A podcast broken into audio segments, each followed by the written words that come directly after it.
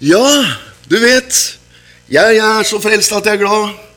Også denne dagen her, og nå har det vært sånn at jeg, jeg har fått lov til å være her noen dager. Og, og jeg har vært veldig, veldig glad og takknemlig for det. Fordi at det, det er jo sånn, og som vi har hørt her, og helt fra starten av, så, så er jo jeg og Hanne vi er jo også veldig glad i, i menigheten her. Det var liksom her uh, det starta. På mange måter så var det jo så var det her det starta. Og, og jeg, har jo, jeg, har jo, blitt veldig glad i, i, i, menigheten. Jeg må si det. Selv om jeg reiser rundt, og sånt, så, så er det alltid spennende for meg å komme til, til Jæren. Og, og barne- og ungdomsarbeid og, og juniorarbeid. Og det har liksom vært en sånn en, en sak for Ebenezer så lenge, så lenge jeg kan, kan huske, i hvert fall. Altså, det er flere her som har vært her mye lenger enn en det jeg har vært. Eh, men, eh, men, det har alltid vært eh, en, en, en, sånn en ivrig gjeng på Ebenezer, og jeg er veldig glad og takknemlig for det. Og så er det sånn at jeg, jeg, jeg har nå gått her i noen dager, og jeg kjenner Gud. Takk og lov at nå er, det, nå er det ting som er i ferd med å skje. Vi, og, og, du merker det òg, at det er ting som er i ferd med å skje. Og, og det skal vokse fram ting. Og, og, så er det sånn at da, da merker jo jeg òg det da, at uh, Gud, nå må du hjelpe oss. nå må du hjelpe oss, altså. For, for her er det ting som, eh, som foregår. Eh, og det er litt av det som jeg, jeg opplever jeg har nødt for oss å, også dele med dere her i formiddag. Eh, og eh, om Herren drøyer, så, eh, og vi lever av helsa sånn, så, så kommer jeg, kom jeg, igjen. Dere trodde kanskje at heldigvis nå er Nei da. Å nei da. Jeg kommer igjen, skjønner du. ja, jeg gjør nok det. Fordi at det er ting som jeg som ligger i mitt hjerte når det gjelder, når det gjelder denne menigheten. Det, det, er virkelig sant. Det er virkelig sant. Før vi skal gå videre, så må vi lese et Guds ord. fordi om, om fredagen Jeg er veldig glad i Guds ord. Om fredagen um, På fredagen. Før møtet her, det var på formiddagen, så sitter jeg og leser Guds ord. Jeg er veldig glad i å lese Guds ord. Jeg ønsker å oppmuntre alle mennesker til å lese Guds ord. Jeg nevnte inn i Stavanger i går så sa jeg det at jeg håper av hele mitt hjerte at uh, noe av det som dere også her, da, dere hører uh, fra meg, kan gjøre deg inspirert til å begynne slik som Paulus kom med, med trøst og oppmuntrende ord når de led skipbrudd. Så, så skapa det noe, en oppmuntring i folket. Så det står at uh, da, da ble de oppmuntra, og de begynte å ta til seg selv føde. Og det er noe av det jeg virkelig ønsker. Det er at møtene skal ha en sånn en, eh, dimensjon over seg fra himmelens Gud, slik at det kan vekke noe i hver enkelt en til også, å begynne å spise maten sjøl òg. Vi er veldig avhengig av det hellige samfunn, brodersamfunnet og, og søstersamfunnet. Ja, ja. Men, men, samfunnet med alle de hellige, vi er avhengig av det. Men du verden hvor godt det er å, å kunne ha Guds ord på en sånn måte at du slipper å ringe til pastoren hver dag. Det er herlig å kunne ringe til pastor evangelist eller hva det måtte være. 'Gud, nå må du hjelpe meg. Har du et ord til meg? Du, kan du hjelpe meg opp i den situasjonen?' Det er viktig. For det har vi allerede hørt, hvor, hvor Mona og mannen her setter stor pris på forbønn i menigheten. Absolutt. Men Gud han er i ferd med å gjøre noe ekstraordinært i denne tid. Det er å reise opp et folk som kan være drevet av Den hellige ånd, bundet av Den hellige ånd, fylt av Den hellige ånd, på en så måte at du som kanskje en gang var veldig avhengig av andre, nå kan være et redskap for å være med og hjelpe andre. Ja. Jeg har tro på det der. Så enkel er jeg. Amen. Nå skal vi bare lese noe her som jeg har for det var det som kom til meg om fredagen, før kveldsmøtet. Og når jeg hadde lest dette her, så bare gjorde jeg sånn fordi at jeg leser Guds ord. Har, jeg har en bibel. Jeg bare forteller åssen Jeg håper det kan være til oppmuntring. da. Jeg har én bibel, en studiebibel. Den leser jeg i det som jeg har forstått, for jeg er ikke noe sånn på fremmedord. Men, eh, men jeg leser den i kronologisk rekkefølge. Hm, Jeg har lært meg. Det var ikke dårlig, Frank. Nei, må, ja. Altså Det betyr at jeg, begynte, jeg begynte når, som nyfrelst så begynte jeg å lese første Mosebok, første kapittel, vers 1. Så leste jeg Bibelen helt igjennom. Når jeg var ferdig, begynte på han igjen. Og det er det på han igjen. Og så holdt jeg på og holdt på og holdt på. Og sånn holder jeg på enda. Leser Bibelen. Jeg har én bibel. Den streker jeg ikke under. Jeg gjør ingenting inni den. Den leser jeg hele veien helt igjennom. Og når jeg er ferdig, begynner på nytt. Hvorfor streker jeg ikke under? Jo, for det er fort gjort at mine øyne faller på ting som jeg har streka under før, og så kan jeg gå glipp av noen velsignelser og noen hemmeligheter som står rett ved sida. Derfor så har jeg en sånn en bibel som jeg ikke streker noen ting. Ja. ja. Amen.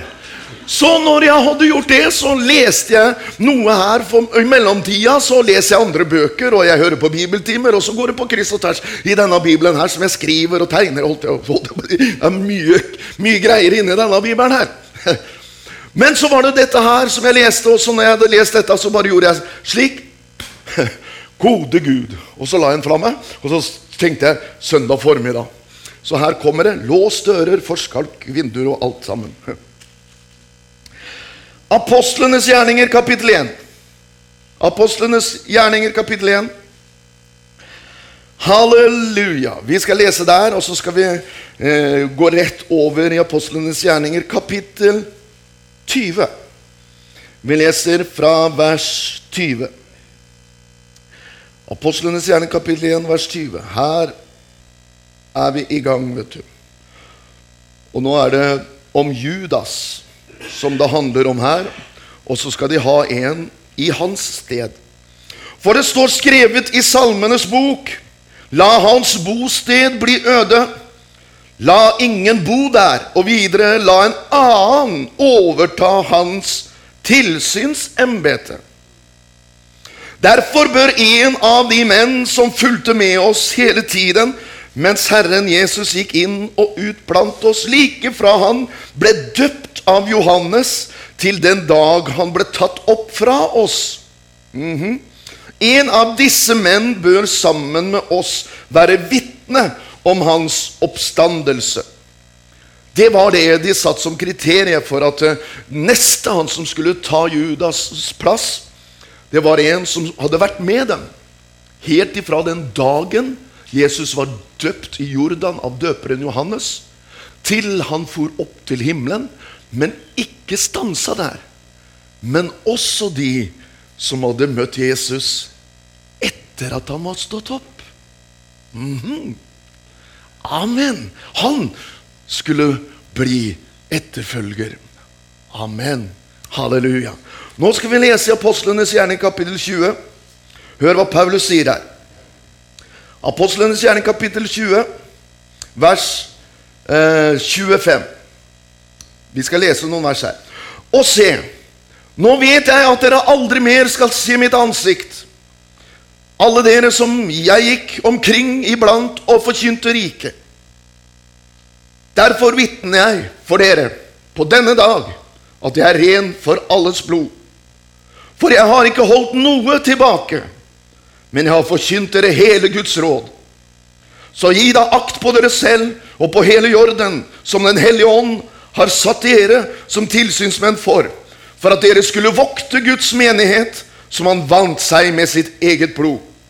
Jeg vet at etter min bortgang skal det komme glupende ulver inn blant dere, som ikke skåner jorden.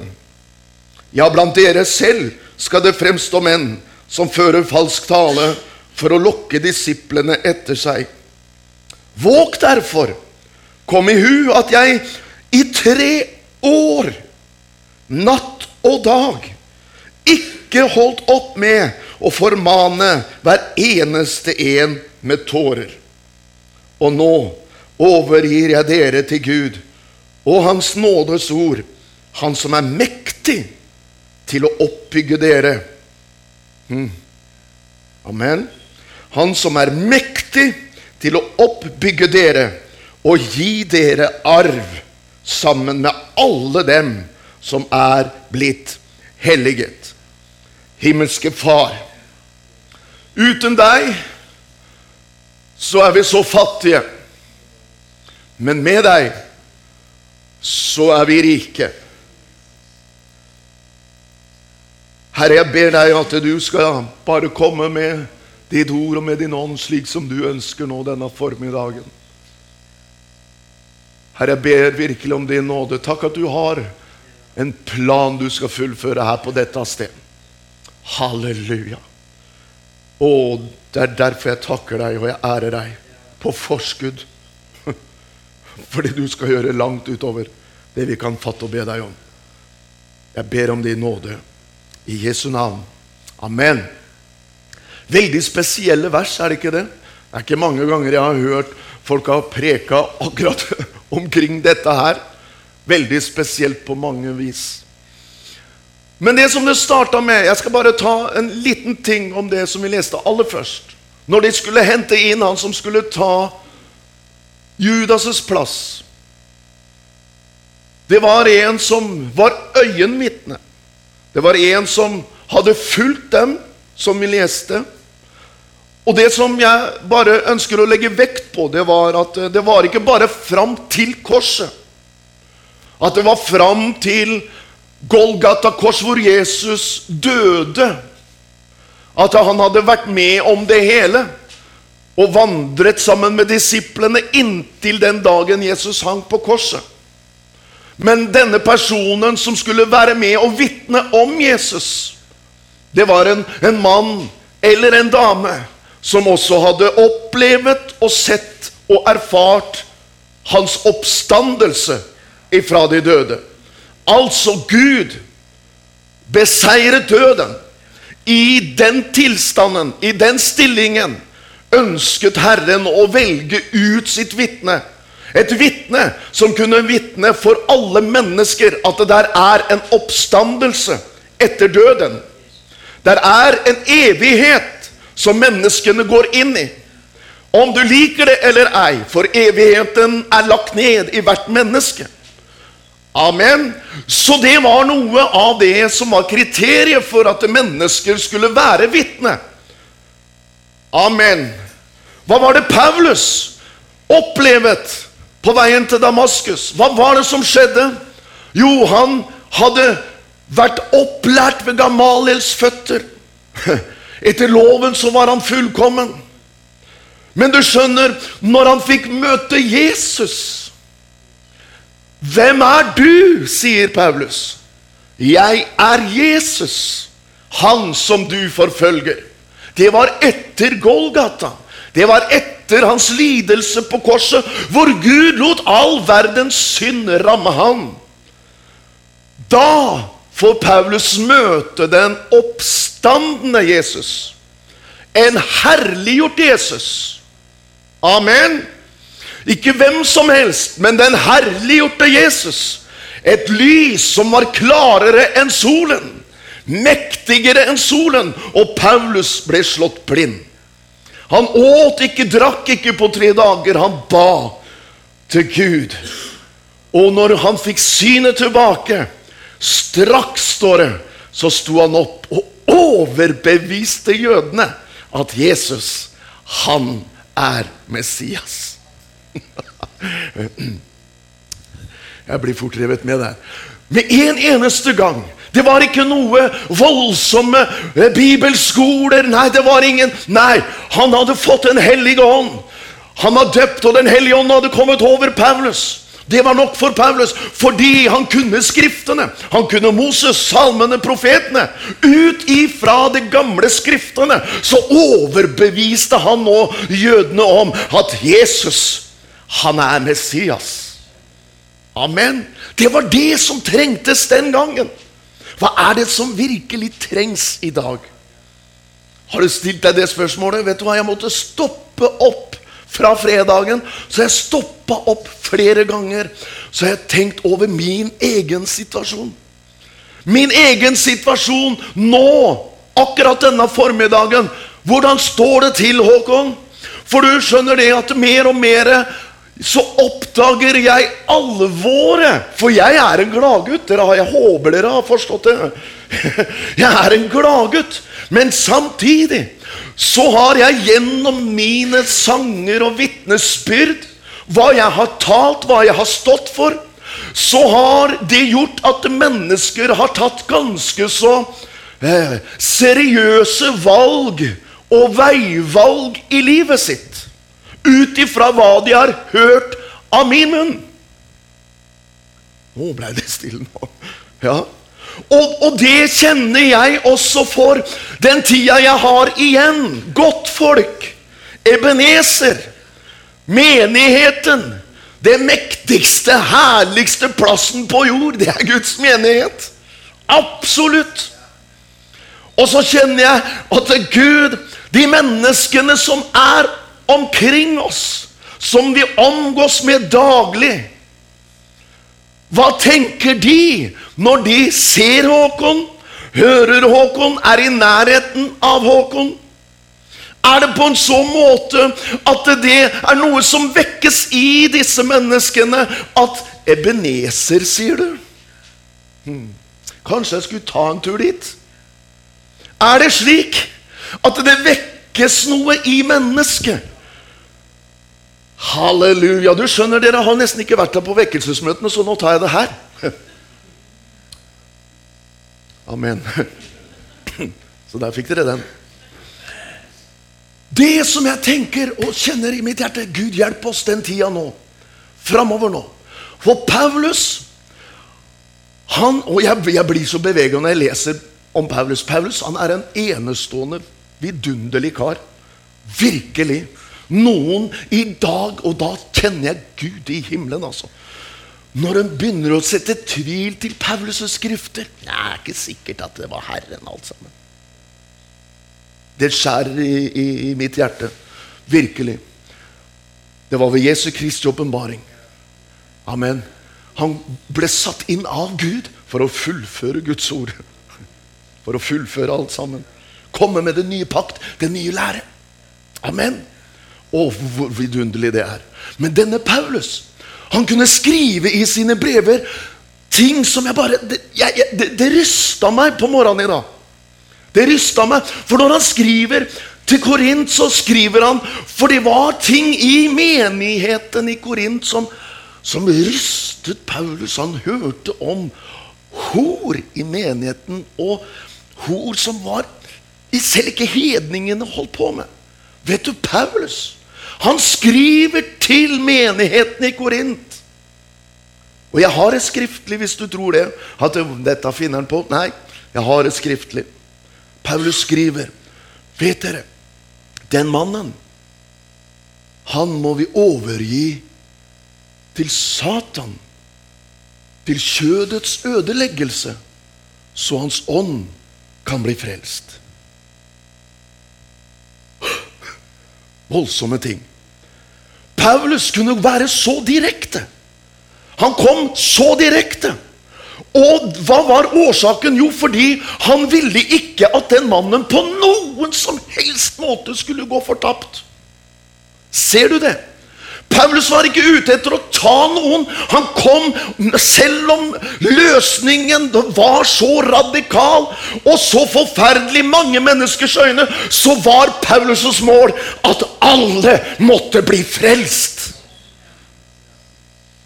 Det var det som lå på Paulus' hjerte. Jeg er villig til å bli hva som helst.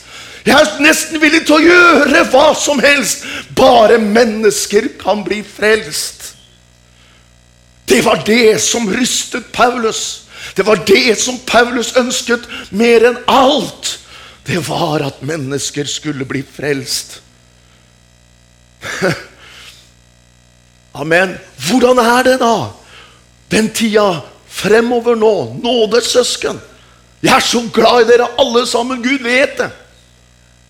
Det er derfor jeg er så frimodig som jeg er her nå, fordi at eh, jeg vet at Gud vil at hele menneskeheten, alle her, uansett bakgrunn, fortid, så er det én ting som alltid ligger på Guds hjerte. Det er jeg vil ikke at noen av dem skal gå fortapt, men at alle skal bli frelst. når Paulus taler om de som er ulydige mot evangeliet. De skal lide borte fra Herrens åsyn i en hel evighet. Tror du Paulus gleda seg over det? Og kunne skrive det. Ja, ja, ja, der har de så godt. Aldri. Det var noe som rysta Paulus' hjerte. Gud i himmelen, må du gripe inn. Har vi det slik i dag?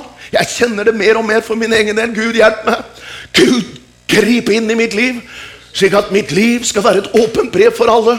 Slik at mennesker skal få møte Jesus. At de skal bli vekt opp til å komme til menigheten. At jeg selv skal være med og dra mennesker til Kristus. At jeg skal male Kristus for menighetens øyne og for menneskers øyne. Det er mitt største ønske. Det er at menigheten og mennesker skal få møte Jesus. Det er absolutt mitt største ønske. Så når Paulus treffer disse eldste brødrene som vi leser om her, ved Millet, etter at han har i tre år hadde formant, og da betyr det ikke det. For mange tenker at ja, han sto der med pekefingeren. Nei, formane er trøst, oppmuntring.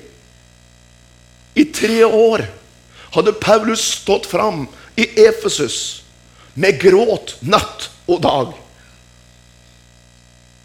Jeg vet ikke om det det, det, det griper meg, i hvert fall. Det gjør det. I natt og dag så ønsket jeg én ting det var at Kristus skulle bli så levendegjort for dere alle. At ingen av dere skulle gå på noen avveier eller komme ut på noen snikveier eller falle fra. Nei, dag og natt så kjempet han for dem.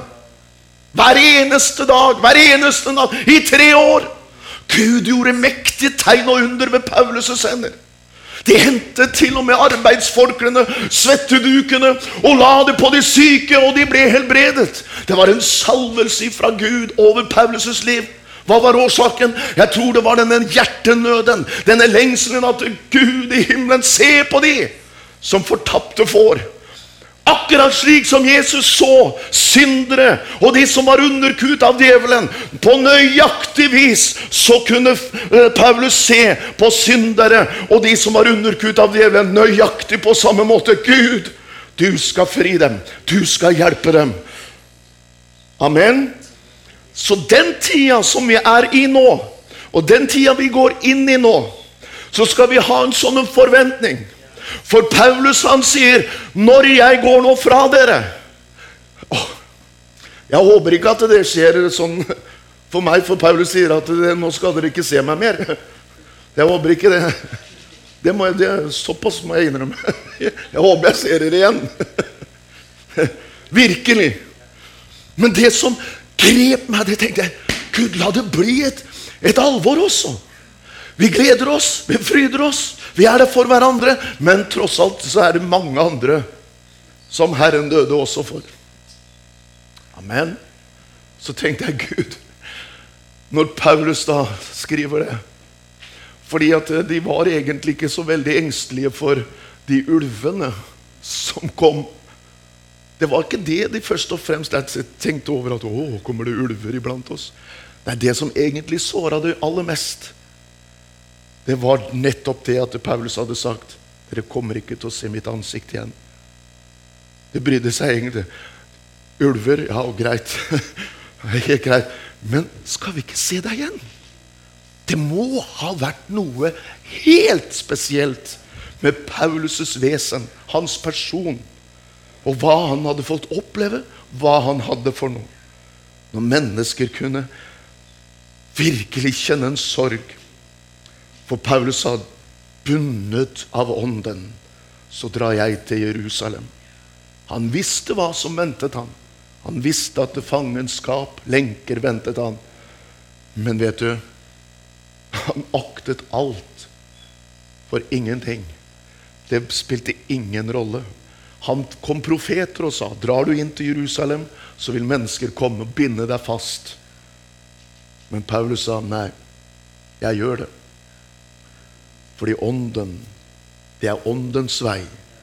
Det er Åndens skole. Amen. Så når Paulus bare tenkte på det at denne formiddagen Gud hjelp oss. Når Paulus da sier 'Når jeg drar bort ifra dere, så vil det komme glupende ulver'. De vil ikke spare Jordan. De vil ikke spare Ebenezer. De vil ikke spare noen. De vil gå inn, og så vil de gjøre alt de kan for å skape splittelser. Og det var også noe som var på gang i Korint-menigheten. Noen holdt seg til Apollos, noen til Paulus, og noen til Har Kristus blitt delt? Paulus står klar. Han er så soleskarp og klar. Det er én det handler om alt. Det er Jesus. Amen. Spiller ingen rolle. Der er én som sår, og det er én som vanner, men det er bare én som gir vekst, og det er Gud. Og det er Han som virkelig betyr noe. Amen. Men så, så leste vi dette her, som jeg bare har lyst til å lese nå for dere her en gang til. Våg derfor.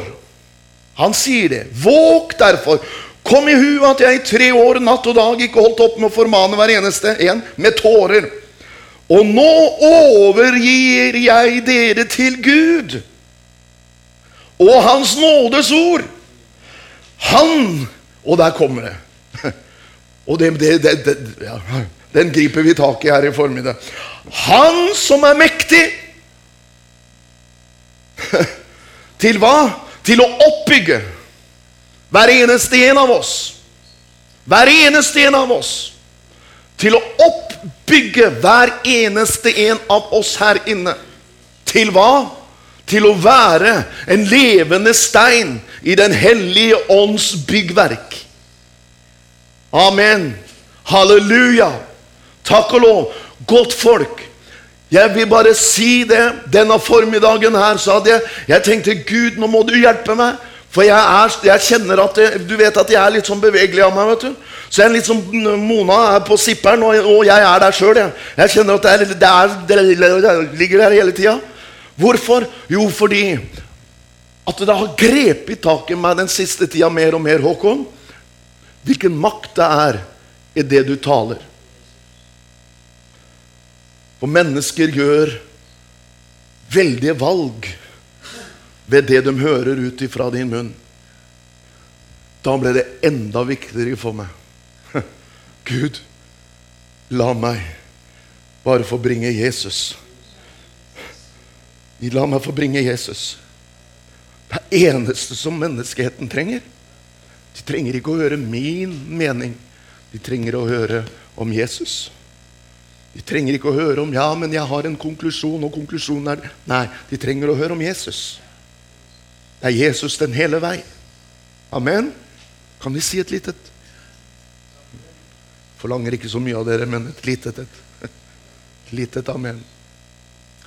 Og da tenkte jeg, når det ble sånn for min del, at Gud Nå har jeg tatt en sånn en sjekk. Hvordan, hvor, hvor, hvor, står du hen, Håkon? Så har jeg tatt en sjekk. Du vet at bilen må innom sånne EU-kontroll innimellom. I Kristus så er det ikke noen haker eller kryss. Når du har vært på EU-kontroll i Kristus, så er det bare Vær så god, kjør i vei. Men så merker man at Den hellige ånd også har en dypere plan. Du er med på den?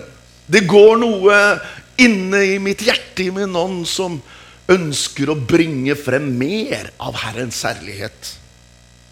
Og da, når jeg går igjennom den, den sjekken fra Guds side, så kan det komme noen sånne haker også. Men det er ikke for å fordømme meg. Men han sier, 'Håkon, legg av det.' Og når jeg er villig til å legge det av, så fyller han på. Amen. Der er noe av det som jeg tenker den tida jeg har igjen nå Gud hjelpe meg. Jeg er jo Jeg har runda 50 år, altså. Det syns ikke overhodet. Men, men dog så vet jeg at den, den, den tida nå, den, den, går fort, altså. Og da tenker jeg Hva holder jeg på med nå? Hva skal jeg drive med resten av mitt liv? Egentlig, jeg ønsker å være med og male fram Jesus. Amen. For søndagsskole, for junior, for ungdom, for middelaldrende, alderdommen, hva det måtte være. Det er Jesus hele veien. Og når der er møter, når vi har møter, så vet jeg det. Jeg vet det. At det der er mennesker her inne som har barnetreff, de har junior, de er fordelt på mange ting. Men der er en tid, dere, som Gud kommer til oss å si Nå så skal du få mer kraft, slik at du skal kjenne at den derre oppgittheten over din egen kroppslige tilstand, din, din tilstand som sliten, vonbråten Det kan være ting som har skjedd, som gjør at du har resignert, og du holder deg tilbake. Den tid er over. Den tid er over. Fordi Gud han kommer ikke og forteller meg dette her grytidlig om morgenen for at han ønsker å bare si Nei, det er håpløst for deg. Overhodet ikke. Han vil bygge deg opp, slik at du skal få kraft til å gå på i Jesu navn. Amen. Da er det Hva vil du, Håkon? For det Paulus Jeg må bare ta dette. Når Paulus står da fram og så sier han dette her til eldstebrødrene. Det er det han gjør, da.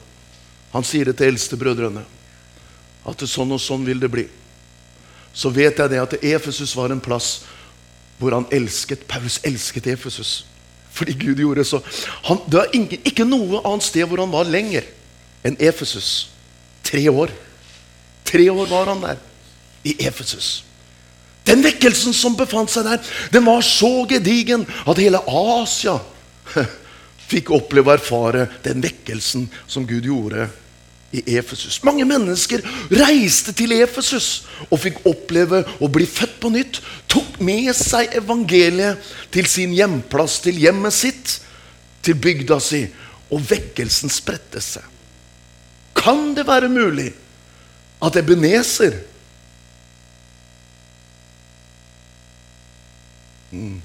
Jeg trenger ikke å si noe mer, for den bare Oi! Amen. Kan det være mulig at Gud har utvalgt en plass som dette? Til at det kan være sånn at mennesker fra bygder innafor og dalstrøka innafor, og bygder lenger ute og hus og heim langt ute imot åpne havet, hvor mennesker kan få lov til å komme til en plass som Ebenezer og få høre om det viktigste av alt. Ikke min og din personlige mening, men høre evangeliet om Jesus. Og bli satt fri. Jeg tror det. Jeg tror nemlig på det, at det er det Gud ønsker å gjøre noe med. Amen. Ja Jeg tror på det. Jeg har virkelig tro for det. Det som skjer det er at Paulus han i fangenskap så skriver han det mest himmelske brevet på jord, mener jeg, Efeserbrevet. I fangenskap så kan han sette seg ned og skrive et, et himmelsk brev. Og dette her var midten på 50-tallet etter Kristus. Cirka. Og så leser vi cirka år 85 etter Kristus, altså ca. 30 år etter. Dette herlige mirakelet skjer i Efesus. Alt dette her som foregår ca. 30 år etter. Så sitter kjærlighetens apostel på Patmosø, Johannes. Og Herren selv åpenbarer seg for Johannes. Skriv til engelen i Efesus hvordan egentlig tilstanden er. Det var så mye positivt. Det var så mye mektig og sterkt. Men så var det denne ene tingen. Er ikke det underlig? Hvordan det er én ting som kan gnages så inderlig. Men dette har jeg mot deg. At du har forlatt din første kjærlighet. Mange har brukt den i vekkelsesmøter. Ja, ja, ja. Kommer sikkert til å bruke det fremdeles. For det er en viktig sannhet. Men det er en menighet som, som har opplevd så mektige ting og går igjennom en prosess. Så det var ikke grann rart at Paulus advarte dem. Hva er det som har skjedd underveis? Jeg tror nemlig det at den første kjærligheten den er mer viktig enn det vi kanskje er klar over. Ikke bare i forhold mellom deg og meg og, og, og Herren, men også i ekteskapet. Her er det den første kjærligheten. Hold dette glødende, hold dette varmt. Sørg for at den første kjærligheten den skal være på plass til alle tider. Oppi alle situasjoner i livet. Hva du måtte komme opp i, så er det noe som er sterkere og mektigere enn alt hva vi møter på, og det er kjærligheten. Amen. Så Paulus han hadde advart dem. Og så ser vi likevel hvordan situasjonen blir. Og i dag, dere, så er store deler, mesteparten, av plassene som Paulus besøkte. Og det var Gud. Absolutt Gud som plantet menigheten. Hvem har planta denne menigheten? Det er Gud. Absolutt. Er ikke tvil i mitt hjerte i hele tatt. Gud plantet denne menigheten. Når Paulus plantet menigheter For han satte sin virkelig Det var noe som brant i Paulus' hjerte. Så var det å forkynne evangeliet der hvor det ikke før var forkynt. Det var også noe som lå på Paulus' hjerte. Så alt dette her var noe som brant i Paulus' hjerte. Og nå var det sånn. Og når vi ser på kartet der nede nå i dag hvordan er tilstanden? Jo, det er muslimsk verden over det hele. Muslimene har tatt over. Var det ikke Gud som startet det? Var det Paulus sine egne tanker og ideer? Det var Gud selv som plantet menigheten. Men Paulus sier det til Korint, så sier han, men enhver se til hvordan han bygger videre. Her kommer du og jeg inn. La det være sånn at menigheten Ebenezer den skal bygges med levende steiner. levende steiner. Ikke overleverte skikker ifra fedrene. Nei, det er jeg så trøtt og lei av. Pene og pyntelig kan de være, og det skal se så stilig ut, men det er som hvitkalkede graver. Pene på utsida, full av dødningeben. Fins ikke fnugg av liv overleverte skikker fra fedrene. Nei takk.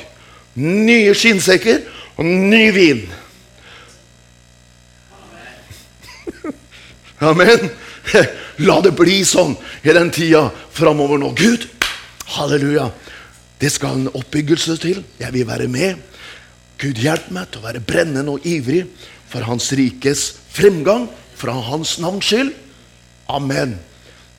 Det var en kar som sa til meg det at Håkon, tror du på, tror du på at det er en evig fortapelse? Ja, jeg må tro det, sa jeg. Jeg skulle ønske av hele mitt hjerte at jeg kunne si nei, det fins ikke. Jeg skulle ønske jeg kunne si det. Hvorfor? Jo, fordi det hadde jo absolutt vært det beste.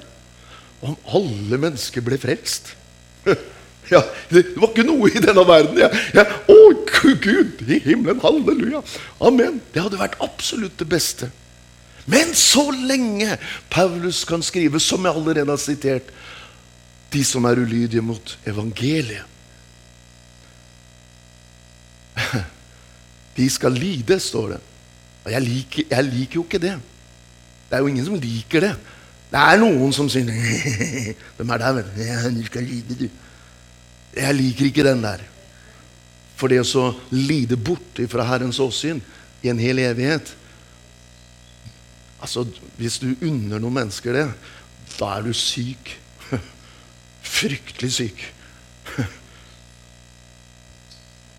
For det var derfor Gud kom. For at alle skulle få mulighet til å slippe unna det. Amen. Så det er den enkelte ting vi må få fram på en sånn måte at verden kjenner Gud. Ebenezer. Det er en plass hvor vi kan finne nåde, trøst og hjelp, oppmuntring, sammen med helt vanlige folk. Amen. kan ikke det bli spennende, da, dere? Jeg håper at du har kjent litt av Gud i himmelen. Dette er sant. Den tida vi har igjen nå Nå skal vi Ikke sånn der, den derre Ja, Gud, nå skal jeg Nei, men bare kjenne Å, halleluja. Gud, hjelp meg. Hjelp meg nå. Grip tak i meg. Du, Gud, på en sånn måte at det blir det du har tenkt. Amen. Jeg har bare formidla det Gud har lagt på mitt hjerte.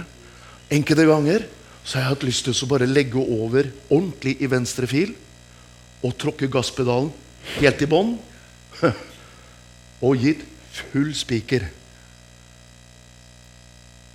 Men Gud er nådig. Gud er nådig fordi jeg vil at vi sammen skal forstå noe av dette alvoret her òg. Det er vidunderlig, det er herlig å være frelst, og vi skal glede oss over det. Absolutt! Men samtidig så skal vi ha det, det liggende der at Gud, du vil at alle skal bli frelst. Det er det vi skal arbeide for nå, den tida fremover. Amen. Når, når folk rundt her ser at Du, hva i all verden, den bilen der, den er der nede på Ebenezer tre-fire ganger hver eneste uke. Du vet at hvis du tror det at folk ikke følger med, du tar feil. de følger med, altså. Og er det noe de virkelig er interessert i, så er det disse her raringene på Ebenezer. Hva er det de holder på med? Nei, nå er de der igjen. Har du sett? I dag er det ekstra med biler. Hva skjer? Du skjønner, det her er noe som vekker folket og bygdene rundt. Det er noe som er på gang. La det bli sånn nå. Jeg håper å si noe at eh, jeg, Nei, Gud, jeg skal se dere igjen. oh, ja, jeg skal se dere igjen. Amen? Ja, vi håper virkelig det. At vi skal ses igjen. Men la dette her være et vitnesbyrd fra en evangelists hjerte. Og eh, at vi skal eh, vokte oss, vi skal våke, og vi skal være brennende, og vi skal være ivrige på den måten som Gud ønsker vi skal være. Amen. Ikke lunkne og slappe. Nei, vi skal være brennende og ivrige. For Gud har en plan.